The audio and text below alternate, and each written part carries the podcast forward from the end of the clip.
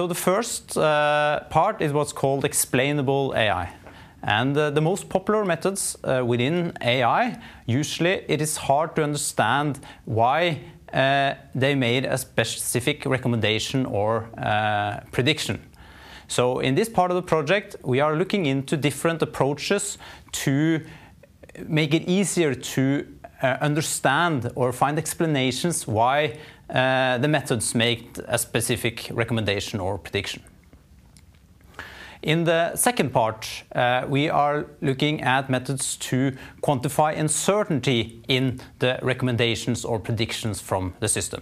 Because usually the methods uh, do not, are not equipped with this um, uh, ability.